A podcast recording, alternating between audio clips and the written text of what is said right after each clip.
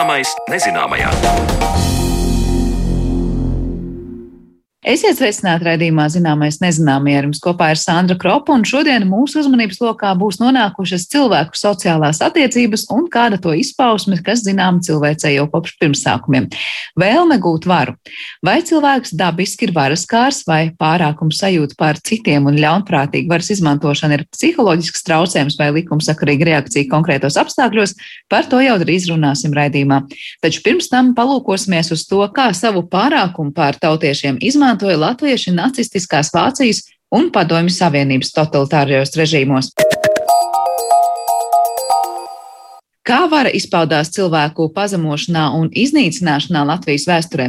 Holokausts, ko otrā pasaules kara laikā veica Vācu drošības policijai pakļautā Viktora Arāja komandētā nodaļa un komunistiskās partijas izpildu orgāns Čeka, kas cilvēkus mudināja darboties šajās represīvajās organizācijās, par to plašāk interesējās mana kolēģe Zane Lāca Baltalksne. Viktora Arāja bandas gadījumā propagandas ietekme un bailes par savu ādu, čekistu gadījumā naids pret Latvijas brīvvalsti un absolūta ticība komunisma ideoloģijai.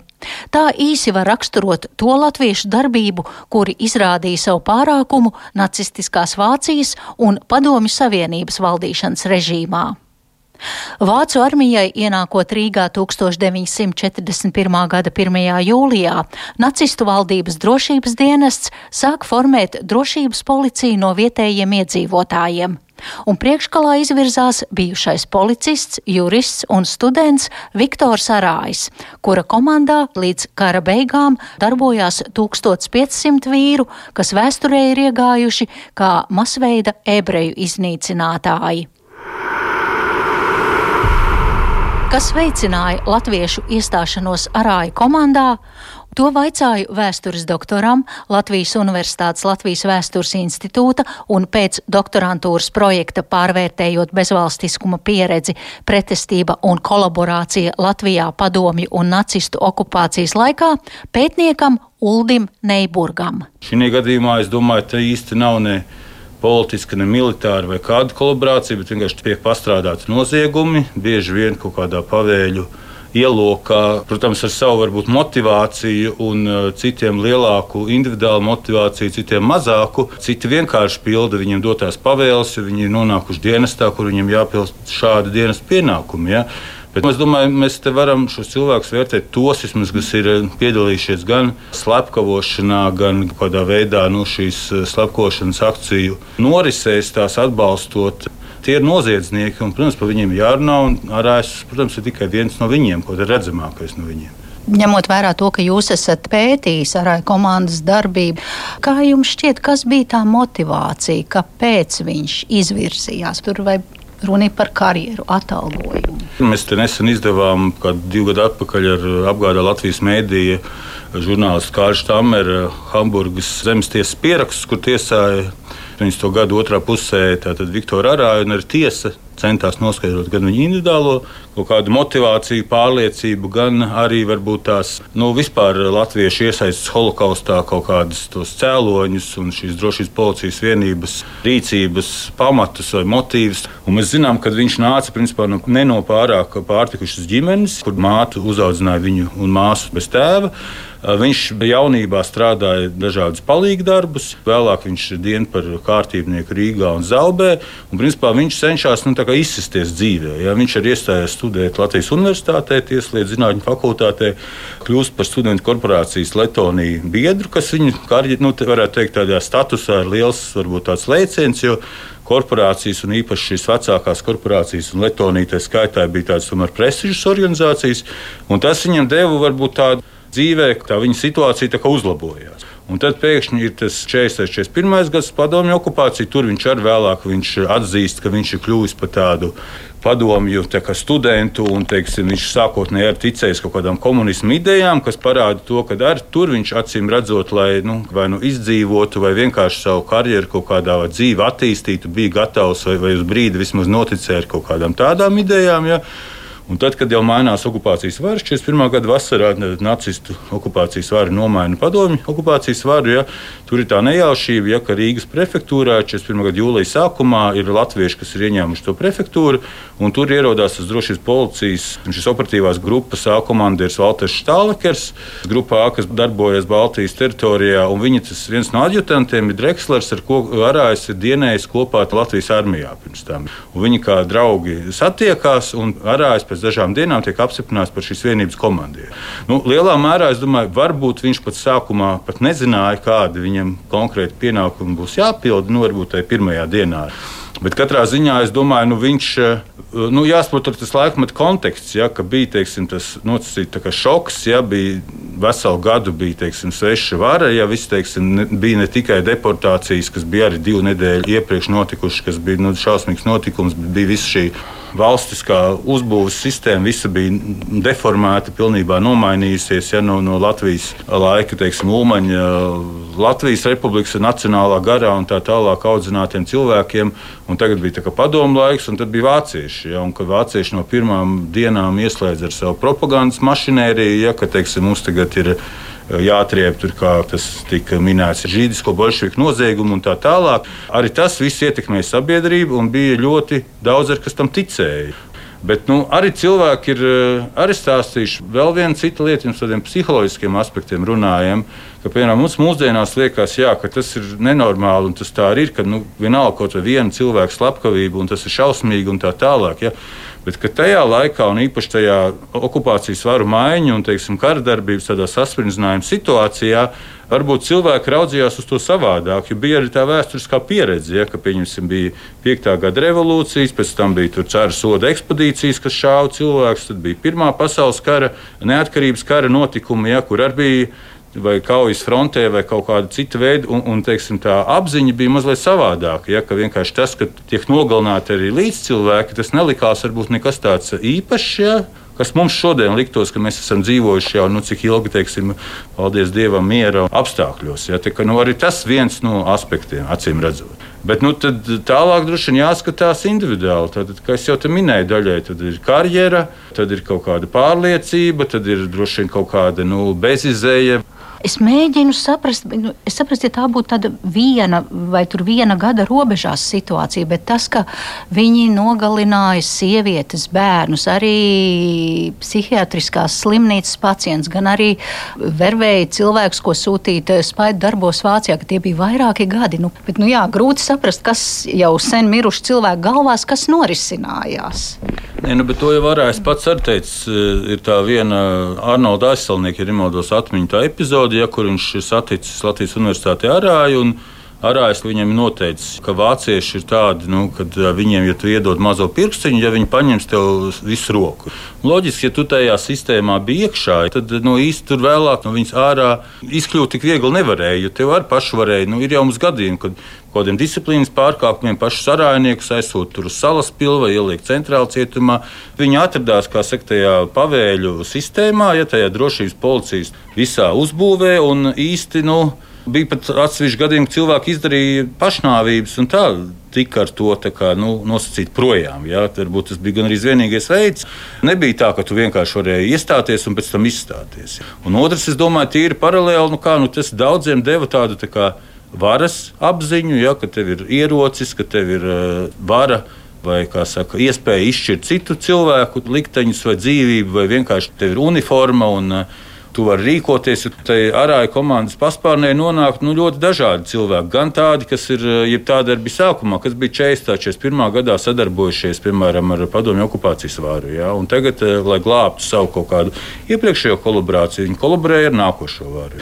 Tad bija kaut kādi cilvēki, kam bija varbūt ne pārāk liela izglītība, ja? vai, vai, vai nāca no kaut kādām trūcīgām aprindām. Tas vienkārši bija kara laikā, tas bija darbs, tev bija kaut kāds atalgojums, tev bija nu, uzturs un tā tālāk, kas ar daudziem ļoti svarīgi. Tev nesūtīja uz fronti, kur varēja saka, iet bojā daudz vienkāršāk nekā pildot kaut kādas aizmugures akcijas, kur tomēr nu, bija nu, lielākas iespējas tur izdzīvot. Tad tas, ka tas notika vairāk gadu garumā, nu, tas nav nekāds domāju, pārsteigums. Nu, tā bija tāda sistēma, kara situācija.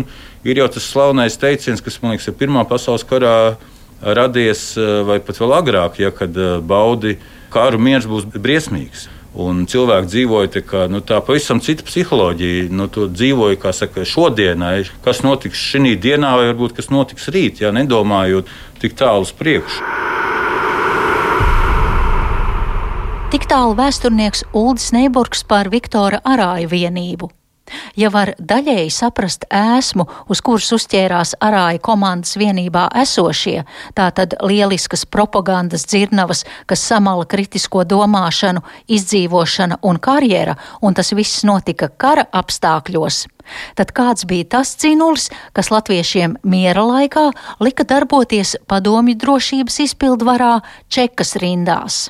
Šie cilvēki ir zombiju veidīgie, bet ne tik daudz varbūt kaut kādā mehāniskā izpratnē, bet pirmkārt domāšanā. Tie cilvēki, kuri ienīda Latvijas neatkarīgo valsti. Tie ir vienmēr līdz galam no 40. gada 17. nu, labi, teiksim, 21. jūnija, kad viena daļa no viņiem uh, iznāk no cietuma un strīpainās pidžamas nomaina pret uzvalciņiem. Līdz pat burtiski 91. gadam, kad čekas darbība tiek likvidēta. Pirmkārt un galvenokārt ir cilvēki, kur ienīst neatkarīgo Latvijas valsti. Tā attālināti ierakstītā intervijā teica okupācijas muzeja darbiniece, vēsturniece un čekas darbības pētniece Inese Dreimane. Ar viņu saruna par motivāciju un darbību čekas rindās. Tie ir cilvēki, kuri režīma izpratnē jau tomēr ir vairāk vai mazāk zināmi no nelegālās komunistiskās partijas darbošanās laikiem. Tie ir tie, kas ir Latvijas brīvvalsts laikā sēdējuši cietumā nereti vairākas reizes. Viena daļa ir tāda, kurus atbrīvo no ieslodzījuma 40. gada 21. jūnijā, kad notiek politieslodzīto atbrīvošana, un pēc dažām dienām viņš jau sēž citā kabinetā, bet nu, jau priekšnieka krēslā. Nu, un pēc tam, redzot to, ka nu, nevienmēr uzreiz ir iespējams visu saprast, viņus vērtī un viņus pārbauda, pārbaudīja, vai tas cilvēks tiešām der, un reizēm tur tas nav tik svarīgi, vai viņš spēja vai nespēja strādāt, veikt tos savus tiešos čekistiskos pienākumus, bet tieši tā politiskā uzticamība. Tas saglabājās arī turpmāk un vienmēr. Ļoti rūpīgi biogrāfijas pārbauda un nepieciešamība visu laiku būt nu, perfektam. Ines, zinot, ka jūs esat vēsturniece, sakiet, vai varu jums jautāt, kāds tad ir tas čekista psiholoģiskais portrets? Čekijas psiholoģisko portretu nav grūti uzzīmēt. Čekijas psiholoģiskais portrets ir absolūti lojāls, attiecīgajam komunistiskajam režīmam cilvēks, kurš ar bezierunu paklausību tam, ko viņam teiks, tur, uz kurieni viņu sūtīs, viņu darbība ir ļoti stingri reglamentēta, iespējams, pat varbūt nežēlīgāk nekā armijā. Nav iespējama tāda situācija, ka čekists pasakā, nē, nu nevajag, es to negribu ņemt ciet, es viņu pazīstu, viņš ir cīši labs cilvēks. Tas nav iespējams. Pat ja viņš negribēs, viņš to aizies un izdarīs ar akmens izteiksmi sejā. Un viņa uzdevums ir konkrētajā, jebkurā situācijā rīkoties nu, saskaņā ar augstāku uzstādījumu. Tas ir padomju varas drošības apdraudējumu neutralizēšana un likvidēšana. Viņš neapšaubīs to, kas viņam ir jādara, un viņš pats neizdomās, ka tagad mums sliktie būs tādi vai sliktie būs šitādi, un visas viņa darbības būs arī pēc aresta izmeklēšanas laikā vērstas uz to, lai pēc iespējas ātrāk iegūtu pierādījumus un varētu lietu sūtīt tālāk. Tātad izskatīšanai kaut kādā tiesas vai ārpus tiesas instancē. Jo padomju jurisdikcijā īpaši, kas attiecās uz šīm valsts drošības apdraudējumiem, visiem šiem noziegumiem, kurus izskatīja čeka atzīšanās, bija pirmais un galvenais vainas pierādījums. Labi, viens es saprotu tā čekistu pārliecību tā laika valdošajai ideoloģijai, bet kā ir, ja mēs runājam par kaut kādu karjeras kāpumu vai arī to viņi tur saskatīja? Tas ir iespēja kaut kādā veidā nākotnē kaut kādu varbūt uzlabot kaut kādu materiālo stāvokli vai, teiksim, izbīdīties mazliet labākā dzīvē, tai padomju reglamentētajā nabadzībā, bet vienalga. Savā rīcībā un savā domāšanā šim cilvēkam ir jābūt pilnīgi pārliecinātam par to, ka viņš rīkojas pareizi, attiecīgā režīma interesēs un ka tas ir vislabākais režīms. Čekisti par savu darbu ne toreiz drīkstēja runāt, ne tagad viņi to labprāt dara. Viņi nečupojas ar bijušajiem un esošajiem kolēģiem.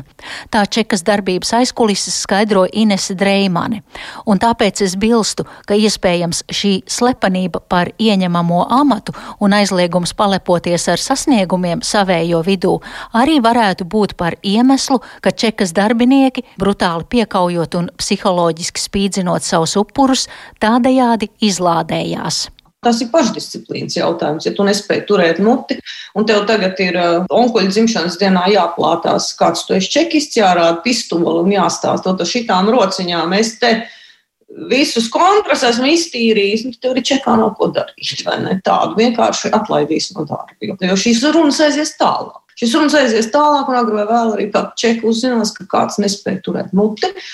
Un šis cilvēks tur vairs nestrādās, bet nu, izmeklēšanas laikā, jā, viņi daudzi noteikti arī kaut kādā veidā izbaudīja šo iespēju izgāzt to, kas viņiem ir sakrājies vai nav sakrājies, vai paust savu attieksmi nežēlīgā veidā. Bet nu, es teiktu, tas pamats ir naids. Tas ir naids pret šo cilvēku rīcību, par to, ka viņi ir uzdrošinājušies, ka viņi nemīl šo brīnišķīgo, labo komunistisko režīmu, kurš no padomjas iebraukuši čekistu gadījumā, kuru es, mēs te ar asinīm vai neesam cēluši, var pret Baltgardiem cīnījāmies, fašistus uzvarējām, un tev tas viss nepatīk. Ja? Nelietas, drāņķis, nu, un tālāk, tā tālāk jau aiziet fiziskās darbības, vai arī no vietējā, vai ne, nu, arī apmēram šitas pats, es te ulmaņa laikā cietumā sēdēju. Un, un tu tāds un šitāds sēdi un smaidi un stāsti man, ka žēl, ka es tev toreiz mežā nenoknienu, ka tu pārāk ātri skrēji. Jā. Nu, saņem tad pēc pilnas programmas.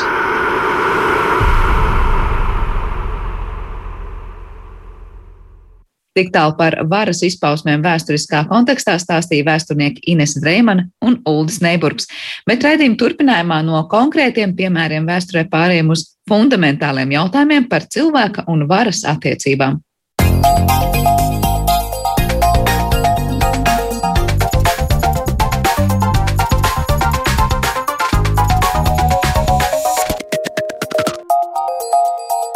Zināmais nezināmajā. Hierarhija ir neiztrūkstoša daļa no sabiedrisko būtņu sociālās sistēmas, taču atšķirībā no citiem dzīvniekiem, tikai cilvēks spēj tik visaptveroši izmantot savu varu, veidojot miljonu armijas un totalitārs režīmus. Kā mainās mūsu attiecības ar līdzcilvēkiem brīdī, kad iemantojam varu pār šo cilvēku likteni, un vai vēlme vardarbīgi pielietot sev doto varu ir kaut kas, līdz kam mēs visi varam nonākt konkrētos apstākļos? Par to visu atlikušajā redzījuma pusstundā mēs runāsim ar mūsu studijas viesiem. Pie mums viesojas šodien Latvijas Universitātes profesors sociālajā psiholoģijā Ivars Austers. Labdien, Ivar! Labdien! Un kliniskā psiholoģija, kognitīva behaviorālās terapijas speciālista Marija Beltiņa. Labdien! Labdien! Eh, es varbūt sākšu šo, šo sarunu ar tādu atskatu vēsturē, jāteic, jau nu, tādā konkrētā piemērā. Proti, 20. gadsimta 70. gados bija tāds šokējošs un skandalos eksperiments Stanfordas Universitātē, tas sauktais Stanfordas cietuma eksperiments, kuru laikā nu, tika sadalīti cilvēki divās grupās, cietumniekos un uzraugos. Un tad nu, dažas dienas notika tāda, tāda ļoti intensīva notikumu ķēde un vērošana, kas ar viņiem notiek. Nu, bet katrā ziņā īsi un, un kodolīgi sakot, nu, ļoti pārsteidzoši bija tas, cik ļoti vardarbīgi daži no šiem cietam uzraugiem patiesībā sāka veikt tos savus pienākumus. Droši vien par šo pašu eksperimentu mēs varam runāt daudz, jo tas tiešām ir gadu desmitiem joprojām apspriests un skandalozi apspriests notikums. Sākšu varbūt Ivar ar to sociālās psiholoģijas aspektu, ko šis Stanfordas universitātes eksperiments nu, varbūt negaidītu vai gaidītu pašiem pētniekiem parādīt, un tad varbūt varam sīkāk izrunāt par to, kas ir tās kontroversālās lietas, par kurām tie pārmetumi tur ir izskanējuši. Jā, nu šis ir tāds uh, tiešām kontroversāls uh, eksperiments, uh, kurš, es pat teiktu, nejaukā kārtā ir folklorizējies, jo īstenībā tā zinātniskā nozīme jau ir diezgan niecīga viņam. Viņam ir kultūrālā nozīme, iespējas uz masu kultūru un tam līdzīgi daudz lielāks nekā tas, kā zinātnē iekšēji vērtē. Protams, tas autors Filips Zimbardo ir jau lielisks runātājs, talantīgs aktieris, un tas viņam ir palīdzējis to pasākumu popularizēt. Bet, ja kāds grib paskatīties, cik nopietni ir tā vieta, kur ir publicēta šī eksperimenta rezultāts, tad tas, nezinu, droši vien varētu saukt par trešā ešalona žurnālu. Ja. Tā kā īstenībā tas arī ļoti daudz ko pasaka. Ja mēs runājam par tādu tehnisko aspektu, kā nu, žargonā to varētu nosaukt par dizaina tīrību, kā tas eksperiments uzbūvēts, tad īstenībā tas, tas pieteikums ir daudz skaļāks nekā, nekā realitāte. Ja. Tur ir pietiekami daudz uh, Zimbardo kā pasākuma režisora iespējas, nopelns, ietekme un tam līdzīgi. Tas nav tik vienkārši un tik tīri, ka tagad uh, mēs pēc nejaušības principā sadalīsim uh, vienu ļaužu pulciņu uh, divās apakšgrupās, un tad tur viss tā arī sāksies. Ja. Um, nu, jā. kā, kā tur īstenībā mēs tieši tādā veidā nu, īsti nevaram pārbaudīt nu, tāds Slavens viens eh, mēģinājums bija pirms 11 eh, gadiem, eh, kad Lielbritānijā BBC paspārnē tādu puššovu taisīja, mēģināja kaut ko līdzīgu uztaisīt. Bet nu, tur arī rezultāti bija nebūt ne tik ļoti skaidri, plus stāsts par to, ka tu tiec filmēts un daļa no tā, ko tu labi izdarīsi, tev ļaus iegūt lielāku publicitāti. Nu, tos rezultātus padara arī tādus mazāk, mazāk ticamus un, un varbūt ne ļoti lielu izpratni par realitāti rada. Bet, bet tur ir tēmas, manuprāt, divas ļoti, ļoti svarīgas. Nu, no manas skatījuma, divas. Tātad identitātes jautājums kā tāds. Ja, tātad, kam es piedaru un mana piederība tajā brīdī, kad es saprotu, kas es esmu, mazina nenoteiktību, neskaidrību, uh, nu, es spēju puslīdz funkcionēt, nu, tā vienkārši sadzīves valodā sakot. Uh, un, un otra uh, saistītā lieta, kas man kā noteikts grupas pārstāvim būtu jādara. Jā, nu, teiksim, tas normu jautājums. Jā. Nu, tas jau īstenībā bija tas Zimbardo sākotnējais uzstādījums, jā, bet vienkārši nu, tur gan no tehniskā viedokļa raugoties, gan no ētikas pozīcijām raugoties, bija tik daudz visādas problēmas, eh, kas, kas, kas, kas visu to sākotnējo ideju sabojāja. Un īstenībā, varbūt tā paradoxālā kārtā, ka eh, dažreiz par vāru saka, ka, ka vāra samaitā, jau, nu, var pat teikt tā, ka ka uh, vāra maisā, maitā mie, uh, miesu, dažreiz pat tā saka, nezinu, kā tur bija Zimbardo gadījumā, bet man šeit, ka viņam tas, tas, tas prieks, tā laime, ka viņš te var visu to režisēt, bija tā viņa pārņēmus, ka viņš tur diezgan daudz samaitāja šī iemesla dēļ. Vismaz skatoties tādā populārajā kultūrā un filmās mm. to, kāds ir tas, šis te profesors vai nu, šis zinātnieks, kurš vada to visu, nu, tiešām pārņēma sajūtu, ka viņam piemīt ļoti daudzas tās pašas īpašības, kas varbūt tiem cietuma uzraugiem nu, tajā varā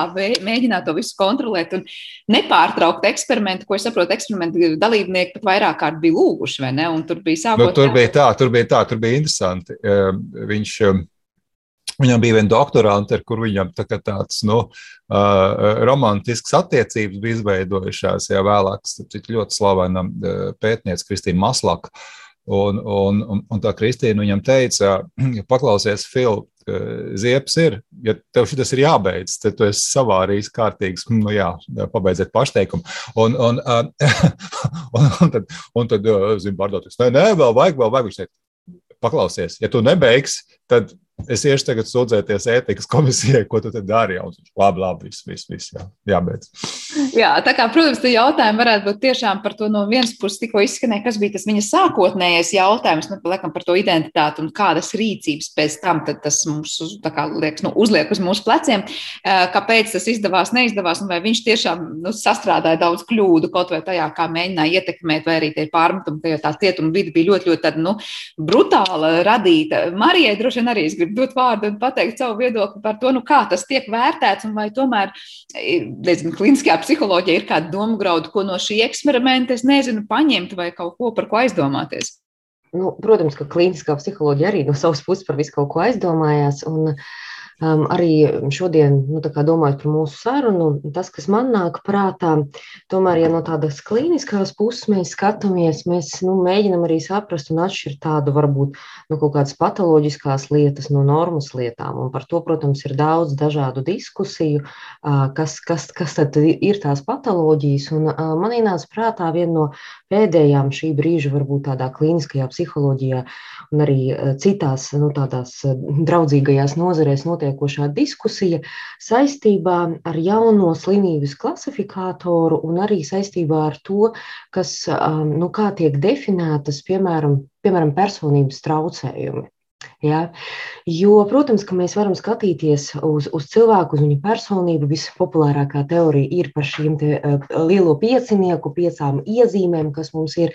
Un tas, ko, ar ko klīniskie uh, psihologi strādā un skatās, bieži vien ir uh, nu, tādi nu, es gribētu teikt, tādi patoloģiski pārspīlējumi no nu, šīm iezīmēm. Un, Vai un, ir iespējams atgādināt, kas šīs ir iezīmes? Es stāstu par to narcismu un, un, un daudz ko tādu. Jā, gan drīz vai jā, ļoti, jūs esat ļoti informēta.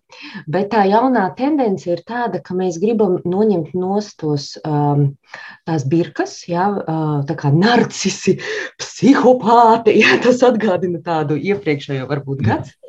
Un mēs tomēr gribam pāriet uz tādu dimensionālu uh, izpratni par to, uh, nu, kā, ja mēs skatāmies lielajā pieciniekā, tur ir neirotisms vai tāda noslēdz uz negatīvām emocijām. Ja?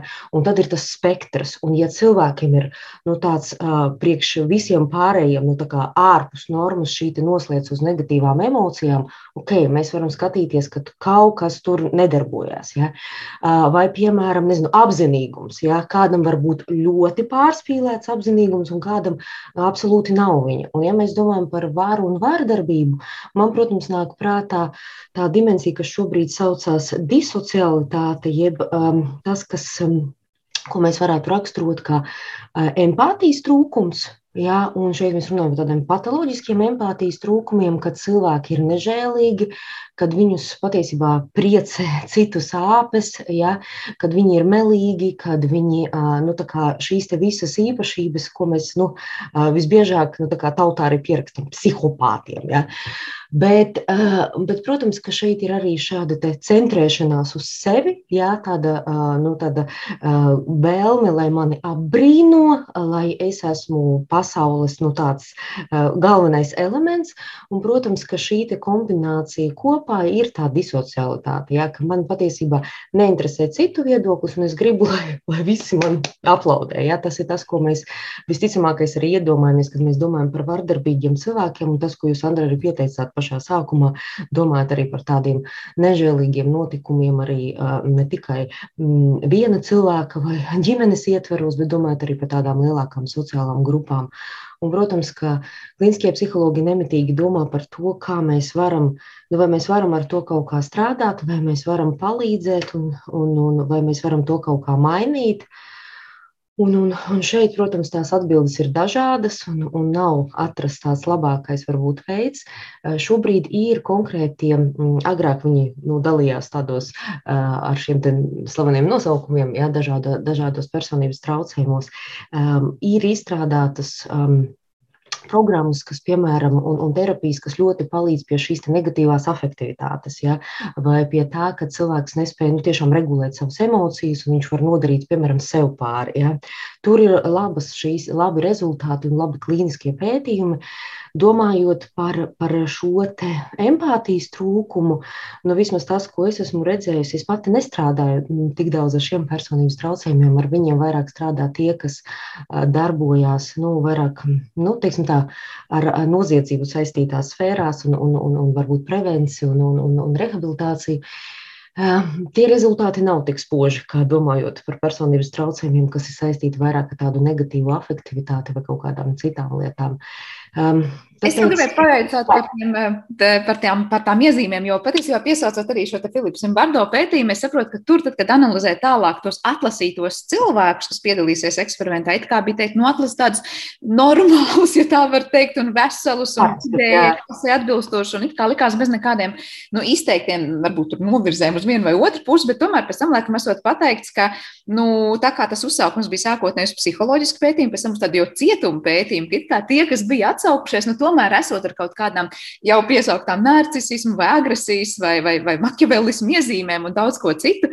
Man jautājums, vai kaut kas tāds ir, ar ko mēs piedzimstam, un tāds komplekss, ar ko mēs pa dzīvējam, Vai tie ir kādi, nezinu, bērnības notikumi, biogrāfijas fakti, kas ietekmē to, nu, kāpēc cilvēks viens ir tāds, kā jūs raksturojāt, ar vairāk agresīvām iezīmēm, un otrs ar mazāk. Un tad, nu, satiekoties tajos īstajos apstākļos, ko varbūt sniedz vāra, viņš tos izpauž nu, ļoti izteikti. Es domāju, ka tā atbilde ir, un es domāju, Ivars arī var papildināt, es domāju, atbilde ir gan, gan. Un, nu, kad, kad ir tas, kas ir personības iezīmes, kas ir iedzimtas lietas, jā, bet tomēr mēs iedzimstam arī ar kaut kādu spektru, cik daudz mēs attīstam katru no šīm iezīmēm. Jā. Un, un arī, protams, kā apstākļi, arī apstākļi, kuros, kuros mēs dzīvojam, ko mēs iemācāmies, tāpat, nezinu, sociālās mācīšanās teorija, tomēr, kur, kur, mēs, kur mēs atrodamies. Un, jā, ja es piedzimstu ar jau, nu, piemēram, mazu empātiju, empātiju zemu un, un vēl kaut kādām varbūt negatīvu afektivitāti, emocijām un tā tālāk. Un man apkārt ir vardarbīga vide, un es arī piedzīvoju daudz pazemojumu. Nu, ko es iemācos? Es, es iemācos risināt un dzīvot to dzīvi tā, un, un tad mēs varam dabūt, nezinu, seriju veidi slavkavas vai kaut ko tādu. Protams, ka nu, tas nenozīmē, ka cilvēks, kas ir labvēlīgā vidē, ka viņam pilnībā nu, nebūs šīs personības iezīmes, bet jautājums, jā, kā viņas izpaudīsies un cik daudz cilvēku viņas apkārt cietīs.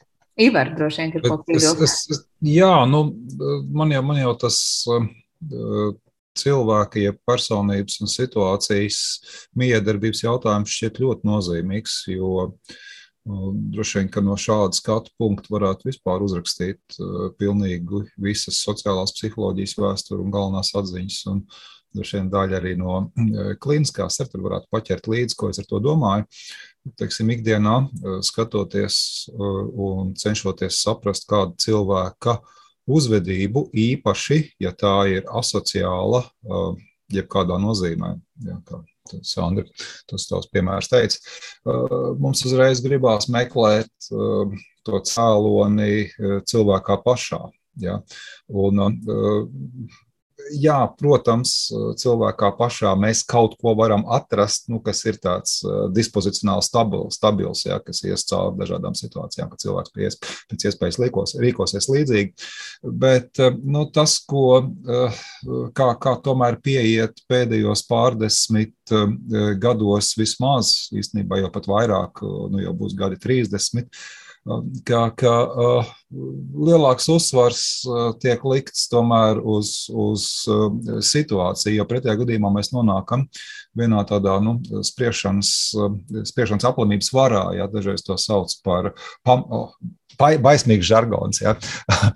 pamat atribūcijas, ja pamat piedēvēšanas kļūda, ka mēs domājam, ka tas, ko mēs redzam, patiešām vienmēr kaut ko arī nozīmē. Dažreiz nozīmē, dažreiz nē, bet mēs pārāk lielu uzmanību piešķiram tam. Nu, ja cilvēks kaut ko sliktu izdara, ja viņš agresīvi uzvedas, ja viņš kādu nolamā, ja kādam vienkārši nepalīdz, tad būtu jāpalīdz. Ja? Mēs domājam, ka viņš ir slikts cilvēks, ja? viņam nav uh, sirds, ja? citiem vārdiem sakot.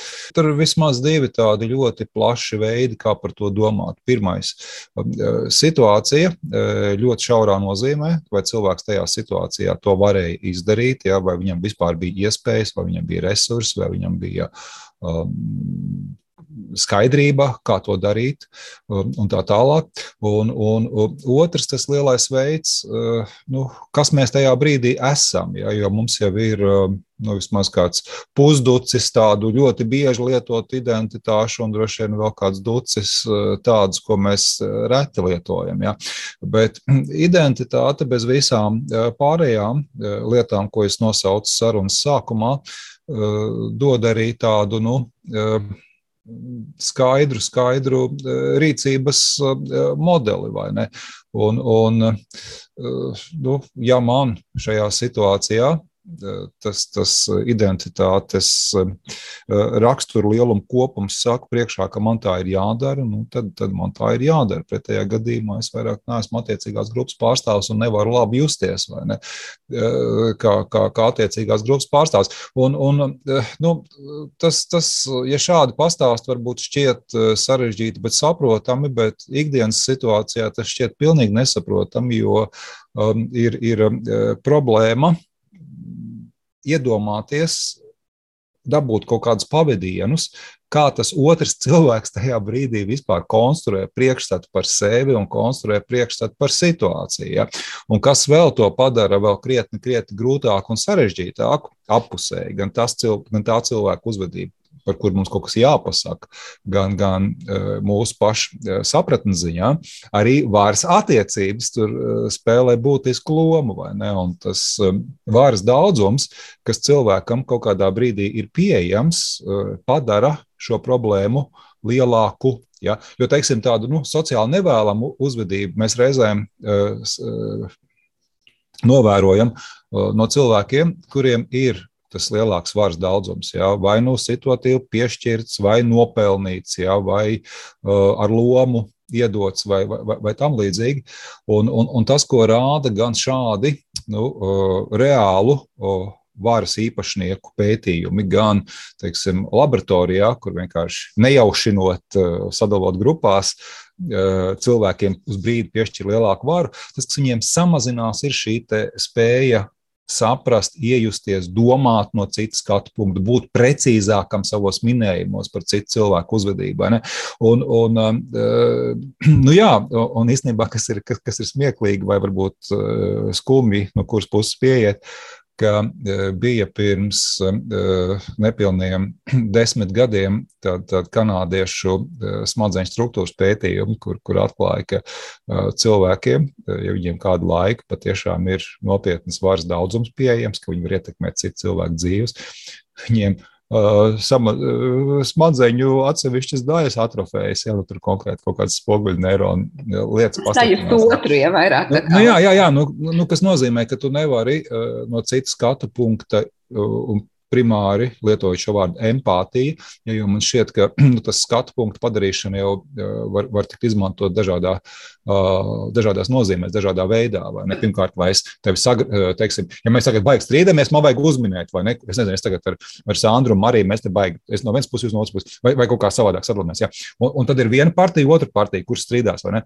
Un, un, un, un lai es tagad sagatavotos strīdam, man vajag iedomāties, ko jūs teiksiet. Nu, tas varbūt, varbūt salīdzinoši nevainīgi, ja? bet, bet teiksim, tas, tas, tas, tas, tas kā Sandra virzīja to, to sarunu no paša sākuma. Es saprotu, tur ir tas, tas nopietnais, negatīvais elements, ka kādam var izdarīt pāri vai ne, emocionāli, nedoties fiziski. Ne. Un tur empātija, protams, ir milzīga nozīme. Es tieši gribēju vaicāt par to, ka viena lieta ir nesaprast, kā otrs jūtas, vai neaizdomāties par citu skatu punktu. Un te varbūt, nu, prātā katram droši vien var nākt jebkurš nu, strīds kaut vai, ja, vai es nezinu, diskusija, kurā kāds ir ļoti pieķēries pie tā savu viedokļu un nespēja saklausīt otru.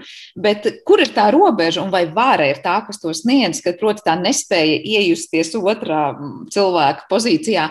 Noved pie tiešām kaut kādas nu, ļoti brutālas rīcības. Ja mēs atkal atsaucam atpaļā, atmiņā to Stanfordas gadījumu, ja, nu, ka tiešām likās cilvēks pirms eksperimenta un pēc eksperimenta ir pilnīgi cits nekā tajā brīdī, kad viņš ir tas cietuma uzraugs un demonstrē nu, ļoti pat brutālu uzvedību.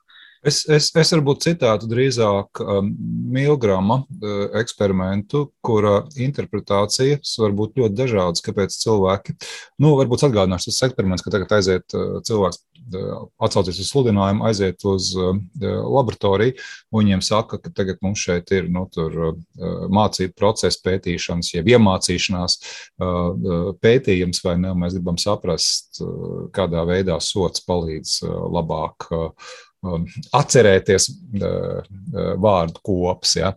Un, un par katru kļūdu, ko tas, kuru māca, nu, tas uh, skolēns uh, nepareizi pateiks, par to viņš tiks sodīts. Ja, bet skolēns ir aktieris un vispār tur nekas īstenībā netiek solīts, tas viss ir uztaisīts mākslīgi. Ja. Nu, tagad tam īstam dalībniekam šķiet, ka par katru nepareizo atbildi, viņam ir jāieslēdz viens slēdzītis, kas tam skolniekam rada elektriskās strāvas triecienu, vai ne? Un, un, un, un, un tie slēdzīši ir pieaugušā secībā. Ja? Tur maksimālais bija kaut kāda 400 plus volti. Ja.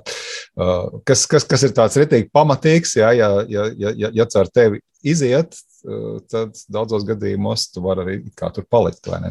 Bet, bet tas, ka ta, īstenībā nekas tas netika darīts, ja viss, viss notika tā eksperimenta. Uh, aktīvā eh, dalībnieka prātā. Protams, viņš fiziski to slēdzīšu slēdza, un tur bija arī uh, ieskaņotas atbildes, kliedzieni, beigās pilnīgs klusums, vai ne cilvēks jau uh, neko nesaka. Un, un uh, pirms eksperimenta dažādās vidēs prasīja, nu, kā jums šķiet, cik daudz cilvēku ieslēgs to galējo uh, slēdzīti, ja, kas ir vislielākais. Uh, spriegums. Ja? Un, un, un līdz ar to potenciāli var būt viskaitīgākais. Nu, tad teica, tur atkarībā no grupas, tur 2-3% vai ne. Tur, tur psihiatri bija skeptiskāki, tie teica, nu, varbūt kā 4%. Ja? Un tas Tur, protams, bija variācija, kurā vietā to eksperimentu taisīja un kas to taisīja un kādi bija apstākļi. Ja? Bet vienmēr bija kaut kāda no 50 līdz 70% aizgāja līdz tam slēdzīšu galam. Pārsteidzoši daudz. Nu, pārsteidzoši daudz, krietni, krietni vairāk. Ja? Un, un tad ir dažādas interpretācijas, kā to, kā to skaidrot. Man tuvākā ir sociālās identitātes pieeja, ka īstenībā cilvēks no malas nonācis, un, un tie sākotnēji eksperimenti bija Jēla Universitātē, ka tu nonāc pasaules top universitātē, un tu esi kā no malas. Tu piedalies eksperimentā, tu īsti nezini, ko darīt. Un tev saka, ka tev ir it kā jādara pāri tam otram cilvēkam, nu, tas tev šķiet tā dīvaini. Ja starp citu, YouTube var atrast filmiņas par šo, paskatieties, ja, kā tie cilvēki reaģē. Nu, viņiem tas nav nekāds prieks, nekāda laime to darīt. Bet viņi to dara, jo eksperimentu vadītājs atbild ar tādu standarta frāzi: eksperiments prasa, lai jūs turpinātu. Tas var būt sāpīgi, bet tas nav nekas briesmīgs. Ja? Uh, divas šādas frāzes dažādās kombinācijās tiek, tiek, tiek, tiek, tiek, uh, tiek teiktas. Un, un, nu, um, uh, no tās sociālās identitātes viedokļa, kas notiek. Es esmu tagad tas eksperimentu dalībnieks, es nezinu, kā rīkoties. Šeit ir viens, pēc visas spriežot, ļoti pieredzējis eksperimentu vadītājs. Un mēs šobrīd esam vienā labā pasaules universitātē, un pasaules universitātēs vismaz rietumu tradīcijā, nav pieņemts darīt pāri cilvēkiem. Nu, ir jau kaut kāda arī e, ētikas apsvērumi, ja jau pagājušā gadsimta, jau 60. gados, jau tomēr bija, vai ne? Nu, ka tā galīgi mušīt nos nevar tos dalībniekus. Nu, jā, nu, es vienkārši to daru. Ja? Uh, un, un uh, šādā veidā skatoties, tas, tas ļoti daudz ko pasaka. Jo, ja mēs vienkārši novērojam cilvēku, kurš ir eksperimenta dalībnieks, aktīvais dalībnieks, uzvedību, mēs varam teikt, nu, ka viņi visi ir jā, diezgan narcistiski, sadistiski, nu, kā Marija pateiks, vēl priekšā, kā vēl to var nosaukt, vai ne, dažādos vārdos. Bet, bet nu, īstenībā nē, tie bija parasti vidusšķiras cilvēki, nu, tajās uzfilmētajās versijās vīrieši, bet nu, pat labi sievietes arī varēja būt. Jā, tieši līdzīgi formulējumi, ko saka patiesībā vidusšķiras normāli atlasīt cilvēku, ko arī teica par iepriekšējiem eksperimentiem. Arī vai būs kas piebilstams, vai arī es virzos uz nākamo jautājumu jau sarunas pirmzām noslēgumā. Nu, jā, es domāju, ka, ka, protams, šeit tās situācijas un tie apstākļi ir izšķiroši. Jo, protams, es esmu strādājis, piemēram, tajā pašā nu, krīžu centrās kalvas ilgus gadus, un, un arī darbojoties ar tādām um, vardarbības upuriem, un kur tie apstākļi ir pilnīgi varbūt savādāki, ja, kur neviens nav varbūt piešķīris kaut kādu īpašo varu. Tu, ne, tu neesi nonācis superīgajā universitātē, un viens tev nesaka, ka tev ir jāturpina, bet tas cilvēks turpina. Un es esmu saskārusies saskarties arī ar cilvēkiem, kurus, piemēram, vīrs ir piesējis, nezinu, mežā sievu mīnus 20 grādos un atstājis, un viņa kaut kā izķiprojās, vai, ja viņa nepareizi izgludina, to gludekli piespiež viņai pie, pie ādas un, un, un tā tālāk. Ja? Un, ja mēs skatāmies šajā situācijā, tad tomēr man gribētos domāt par tām arī patoloģiskajām personības, nu, šajā gadījumā mēs varam runāt iezīmēm vai izpausmēm. Uh, un, un par to, kas ir, kas, ir, kas ir noticis ar šo cilvēku, kas viņu ir padarījis tādu, kāds viņš ir. Bet tur ir arī aspekts, tas, ko piemin arī Ivars par šo te, kad, jo visi vienmēr domā, nu, kā tas ir, nu, kā tas ir kā, kāpēc, kāpēc tā vardarbība, piemēram, mājas apstākļos notiek. Ja? Un tur arī bieži run, tiek runāts par vāru un patiesībā arī par to identitātes jautājumu un arī par šo te, nu, patiesībā tas, ko mēs esam paši uzkonstruējuši vīriešu un sieviešu lomām mājas apstākļos. Ja? Un, un nevelti ir arī pētnieki, kas runā par to, ka šis varbūt patriarchālais, vecais, stereotipiskais lomu sadalījums, vai ka vīrietim ir vara un viņš te visus var sist, tāpēc, ka viņš ir vīrietis, ja, ka tas nereti arī var būt arī viens no ietekmēšiem faktoriem, kāpēc konkrētais cilvēks tā uzvedās. Nu kā, es taču esmu šeit galvenais, ja, man, man, man tā ir jāuzved, tā uzvedās veči, mans, nezinu, tēvs uzvedās, mans vecais tēvs, tā, tā tas ir, tā tas ir. Un es domāju, ka tur ir arī daļa no tā, ko Ipras saka par to, ka es gribu piederēt pie īsto veču kategorijas, un tāpēc es tagad neiešu šeit domāt par to, kā jūtas cits cilvēks. Ja? Vai, vai, vai vispār tas ir cilvēks, tas ir ap, nu, un, un, un, un runājot par identitāti un par lomām, eh, ja tas pats eh, vecis tagad aiziet uz darbu, ja, eh, viņš uzvedīsies krietni, krietni savādāk. Ja? Tā tad viņam ir gan zināšanas, gan prasmes, gan resursi, kā tikt vaļ, galā ar tiem Jā. impulsiem, kuri viņam visticamāk rodas arī darba laikā. Ja? Jā, bet, jā, jā, nejūt tajā, tajā vidē vairs tik ļoti kā saimnieks vai kā, kā tas, kurš noteiks ja, to, kas ir kas. Jā, vai, vai tas nebūs tā atļauja, kas tā kā neapzināti tiek iedota, vai pat pieprasījums, ka tā ir jāuzvedās. Ja? Un nereti visas šīs grupas, ar ko es esmu runājis arī ar kolēģiem, kas ir strādājuši ar, ar, ar, ar, ar varmākām, eh, ka nu, tās grupas, kas ir, lai kontrolētu savas dusmas, viņas īsti nedarbojas, tāpēc, ka viņš nu, labi prot kontrolēt tās dusmas. Ja? Vienkārši jautājums ir, kā viņš redz sevi mājas apstākļos kopā ar sievieti, kas, ir, kas tiek saukta par viņa sievu, piemēram. Ja? Un, un tas, es domāju, kas, kas nereti cilvēki pārprot un nobīstās, ka, oi, mēs tagad nebūsim vīrieši un sievietes, vai, vai, vai kas te notiks, bet jautājums nav par to, lai nebūtu par vīriešiem un sievietēm, bet jautājums ir par to, kas ir tas, kā mēs kā sabiedrība, ko mēs ieliekam, kā, tos, kā tās normas un, un kāpēc tam tas ietekmē mūs, mūs pašus, ja? jo mēs beigu beigās paši iekļūstam tajās lomās, un tad nu, tas um, scenārijs, ko mēs tur esam kaut kādā ziņā neapzināti jau uzsūkuši no, no, no, no, tās, no tās sabiedrības, no audzināšanas, tas sāk darboties. Nereti arī, piemēram, jaunās māmiņas saka, Bāc, es negribēju būt kā mana mamma, bet es kļuvu par mammu.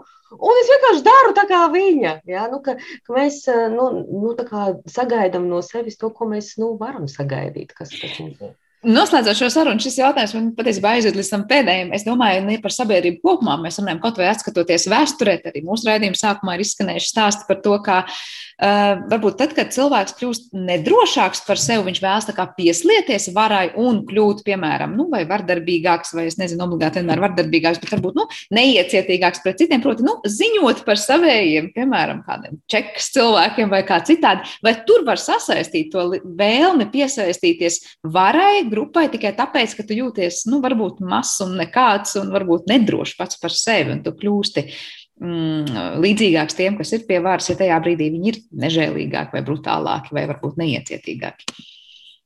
Es paņēmu par atskaites punktu atkal to uh, neskaidrību, nenoteiktību, un, un kas tev tiek piedāvāts kā risinājums. Ja?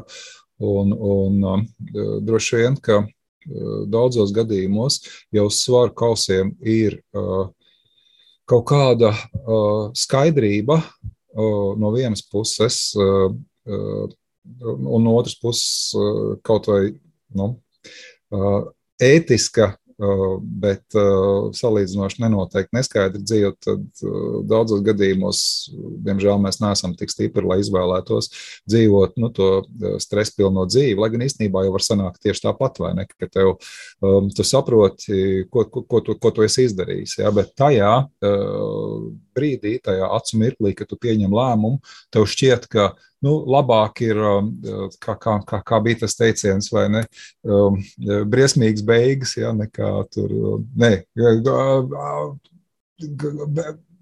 briesmīgs gals nekā bezgalīgs. Tur, kas tur Man aizmirsās, bet jūs zinājāt, zināt, ko, ko, ko, ko, ko, ko es domāju. Uh, nu jā, un, un tajā brīdī tā šķiet, nu, tā es tagad izdarīšu, un tad viss būs uh, kārtībā. Viss, viss būs uh, izdarīts, kas uh, īstenībā nav, nav, nav tik vienkārši. Jā. Nu, citiem vārdiem sakot, īstermiņa ieguvumi uh, tiek. Uh, izmainīt kaut kādos ilgtermiņa zaudējumos, ja nu, tādos šiem varētu pateikt, figurāli. Arī Jā, es, es arī, protams, arī kā kognitīvi behaviorālais terapeits piekrītu, jo nu, tās vislielākās, visbiežāk problēmas un tie paši nu, daž, daž, daž, dažādi mentālās veselības traucējumi nereti ir saistīti ar to, ka tas, kā mēs uzvedamies, dod mums īstermiņa ieguvumus, kaut kādus atvieglojumus, bet ilgtermiņā tas padara mūsu problēmas hroniskas un līdzīgi arī ir šeit. Un, protams, ka mēs te varam ieplūst vēl vienā diskusijā par to, ka būt tādam cilvēkam, kas apzinīgi vai apzināti apzināti izvēlās lietas vai izsver un, un redz to perspektīvu un saskaņo, tas ir sarežģītāk nekā, nu, ne, nekā izvēlēties varbūt tādas diezgan automatizētas jau reakcijas. Un, protams, ka drošības un stabilitātes sajūta ir viena vien no tādām pamatvajadzībām. Ja? Un, un, un, ja mums kaut kas šķietami dod tūlītējo rezultātu, ir ir ļoti vilinoši iekāpt tajā, tajā slazdā. Un, kad mēs skatāmies filmas, mēs varbūt nereti domājam, ak, Dievs, nu nopietni, nu, nu kā tie varoņi, nu kā viņi, nu nē, nu lūdzu, nē, lūdzu tā nedara, tas vienkārši stūvīju kaut kā. Bet tad, kad mēs dzīvojam savu dzīvi, tad nereti tā kā apstāties un kā tādam no malas režisoram vai skatītājiem paskatīt, paga, ko es tagad daru, Tas ir sarežģīti, tas prasa piepūli, un mūsu organisms tomēr uh, ir tendence uz, tādu resursu ekonomiju. Ah, tad tas vienkāršākais šķiet varbūt simpātiskāks. Jā, un kur tas vienkāršākais dažkārt var novest, tad ir atkal svarīgi ieslēgt to spēju padomāt par to, kā otrs jūtas un ko es viņam iespējams ar to nodarīšu. Bet tā, kā jau jūs teicāt, ir māksla un arī spēja, kuru patiesībā prasa iekoptas vai ne tādas prasmes. Tieši tā. Paldies jums abiem par šo sarunu. Es ceru, ka mēs šo diskusiju vēl kādā varbūt citā aspektā noteikti turpināsim, jo jautājumu varētu būt vēl gana daudz arī klausītāju pusē, bet šajā reizē es teikšu lielu paldies Latvijas Universitātes profesoram sociālajā psiholoģijā Evaram Austeram un klīniskajai psiholoģijai kognitīvi behaviorālās terapijas speciālistei Marijai Ābeltiņai. Ar to arī raidījums ir izskanējis, par to parūpējās producenta Paula Gulbinska, mūzikas redaktors šajā stundā bija Girds Bišķeris kopā ar Sandru Kropu un atgādināšu, ka mūsu raidījumu var dzirdēt arī populārākais podkāstu vietnēs. Uz tikšanos!